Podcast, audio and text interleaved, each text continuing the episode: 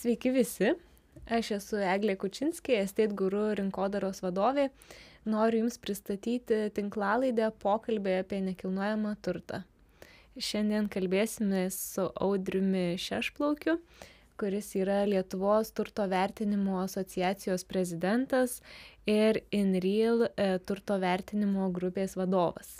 Sveiki visi. Sveiki, Audriu. Uh, Audriau, uh, turbūt nesuklysiu sakydama, kad esate vienas iš labiausiai patyrusių turto vertintojų Lietuvoje. Kaip uh, atliekamas turto vertinimas, kokie metodai dažniausiai taikomi? Aš kaip sakyt, nesu pas toksai didžiausias gūrų išvertinimo, aš ten gal tik tai 25 metai kaip vertinu, yra žmonės, kurie Tik. tik yra žmonės, kurie ir virš 20 metų, kurie gal ir daugiau patirties turi, bet, e, kaip sakyt, e, tenka vadovauti asociacijai, taip pat e, į- įmonėje mūsų vertintojų, tai tikrai yra tos patirties. Tai į- svarbiausias dalykas vertinant turtą yra tą turtą apžiūrėti ir įsi- įsitikinti, kas tai per turtas, ar jis yra. Ir po to, kaip sakyt, apžiūrėjus turtą, tada žiūrima, kokiais metodais tą turtą vertinti. Turtą galima vertinti lyginamuoju metodu, galima vertinti pajamų metodu ir vertinti atkūrimo kašto metodu. Tai va, tai tokie trys pagrindiniai metodai. E, turbūt daugeliu lietuvių yra pažįstamas gyvenamojo būsto vertinimas. O kaip su verslo centrais, su žemės klypais, kaip Tai- skiriasi? Būto vertinimas dažniausiai yra atliekamas lyginamuoju metodu, o bankai, platformos ir, ir kiti finansuotojai e, komercinį turtą dažniausiai priema e, pajamų metodu, kai turtas yra vertinamas. Tai yra, kai žinai, kiek tas turtas gali tau nešti pajamų ir tada tas e, pajamas diskontuoji ir gauni turto vertę. O dėl žemės klipų, tai žemės klipai dažniausiai yra vertinami palyginamuoju metodu, o jeigu ten tas sklypas jau turi, e, kaip sakyti, galima jame kažką tai statyti, vystyti, yra statybos leidimas ir planas, tada, e, tai, kaip sakyti, vertinama metodų, šito visų metodų deriniu. Tai yra, kaip sakyti, yra lyginama, lyginamas parduodamas, ką, ką galima būtų parduoti, kokias pajamas gauti ir kiek tas pastatas va, kainuotų tą tokį pastatą pastatyti. Supratau. Audriau, o man įdomu, e, kiek įtakos vertinimui turi e, gražios nuotraukos, vizualizacijos, na, skelbimuose dažnai matome, kad vienos nuotraukos yra gražesnės už kitas. Tai čia, kaip sakyt, dažniausiai būna, kad e, nuotraukos įdedamos e, darytos profesionalų arba mėgėjų. Tai jeigu profesionalas daro su geru fotoaparatu, tai iš karto tos nuotraukos gaunasi iš mažo kambario, gaunasi di- didelis kambarys su plačiu formačio objektyvu. Tai bet kai vertintojas nuvažiuoja ar, ar klientas nuvažiuoja pirkti, jis vis tiek mato tokį vaizdą, koks yra. Tai vertintojas dažniausiai į nuotraukas nekreipia dėmesį, kaip ir minėjau anksčiau, vertintojas pats važiuoja, kiekvieną turtą apžiūri ir įsitikina. Tai dažniausiai, kaip sakyt, vertė ir kaina yra skirtingai. Tai jeigu žmogus prašo pardavimuose kainos, tai jeigu tau patinka, tai tu gali mokėti ženkliai brangiau, negu tas turtas yra vertas, nes tau tas turtas patinka. Tai gražios nuotraukos padeda pardavimams, o ne vertėjai. Audriau, e, mūsų platformos e, lankytojai e, susiduria su turto vertinimais iš turbūt aštuonių šalių. Tai kaip skiriasi turto vertinimas Lietuvoje ir kitose šalyse? Turto vertinimas e, turėtų būti panašus, bet yra kiekviena šalis turi savo standartus nacionalinius ir tie standartai kiekvienose šalyse šiek tiek turi, skiriasi. Lietuvoje tokių standartų nėra. Kaip asociacija prieš dešimt metų jos kūrė, bet sukūrė, padarė, bet valstybė jų nepatvirtino. Tų, tų, tų standartų.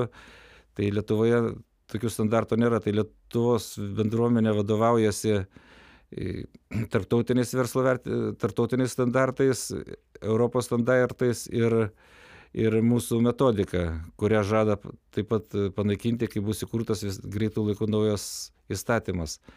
O visa europa vadovaujasi europos vertinimo standartais ir ir ataskaitos yra šiek šiek tiek panašios nedaug kuo skiriasi. Na turbūt yra įvairių tų taisyklių kaip suprantu bet kiekviena šalis ir ir savo tam tikrus turi taip.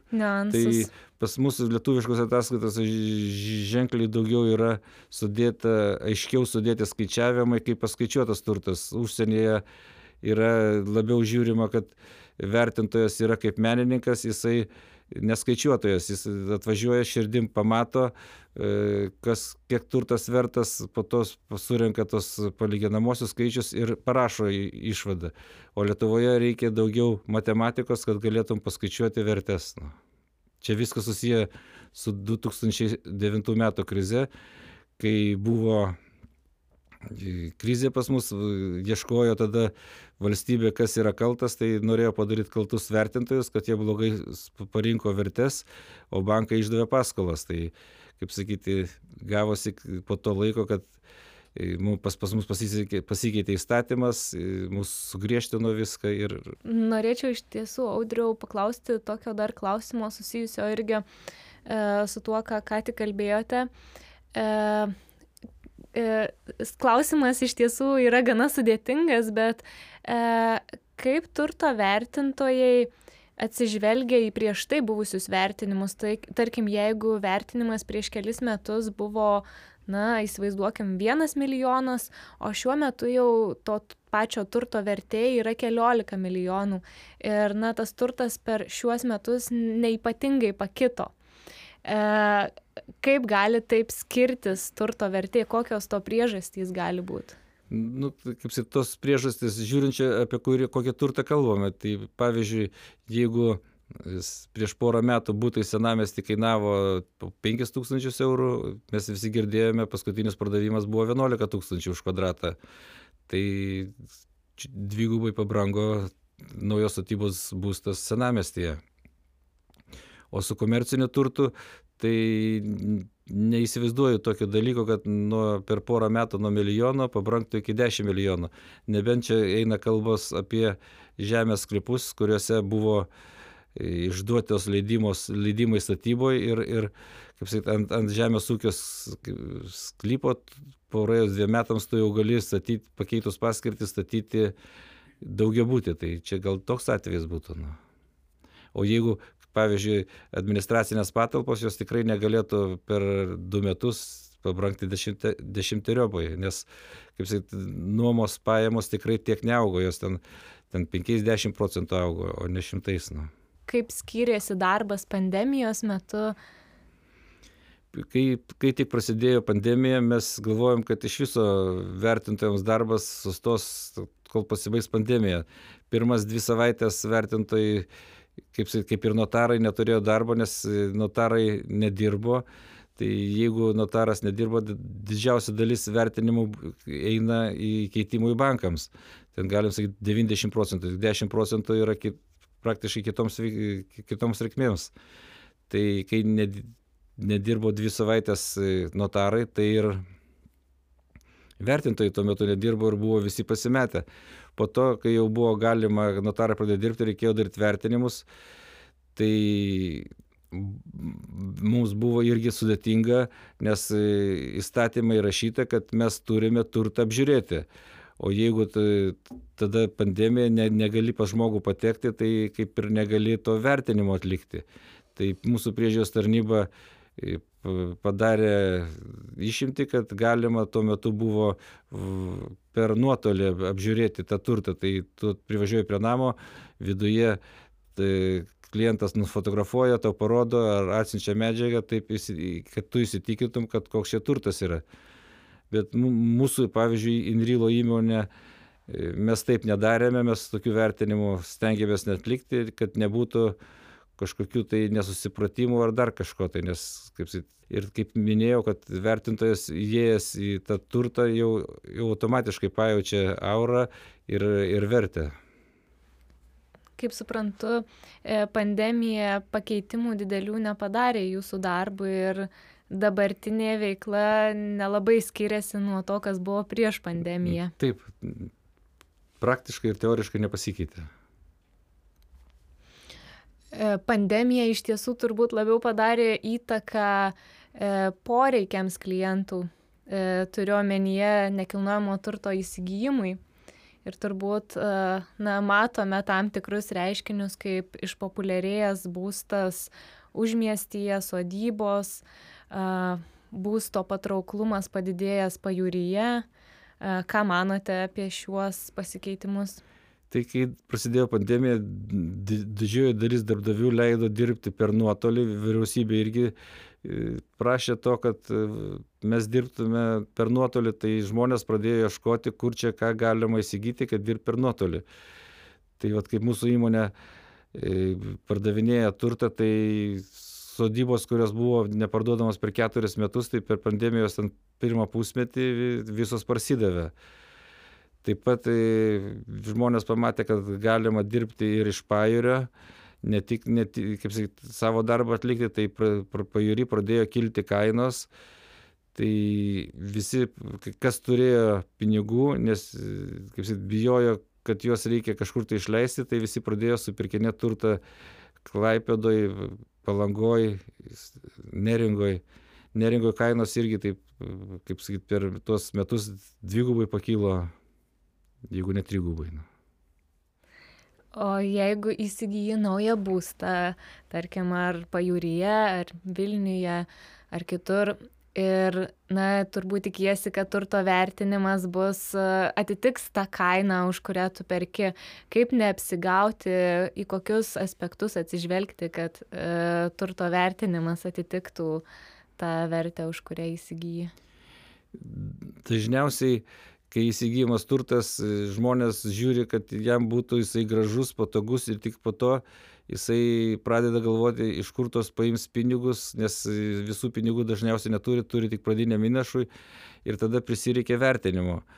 O vertintojas atvažiavęs ir pamatęs tą turtą ne visada gali įvertinti tokiai sumai už kiek žmogus perka nes jeigu žmogus jam labai patinka tas turtas, dažnai jisai ir permoka, kad jis ten galėtų įsigyti.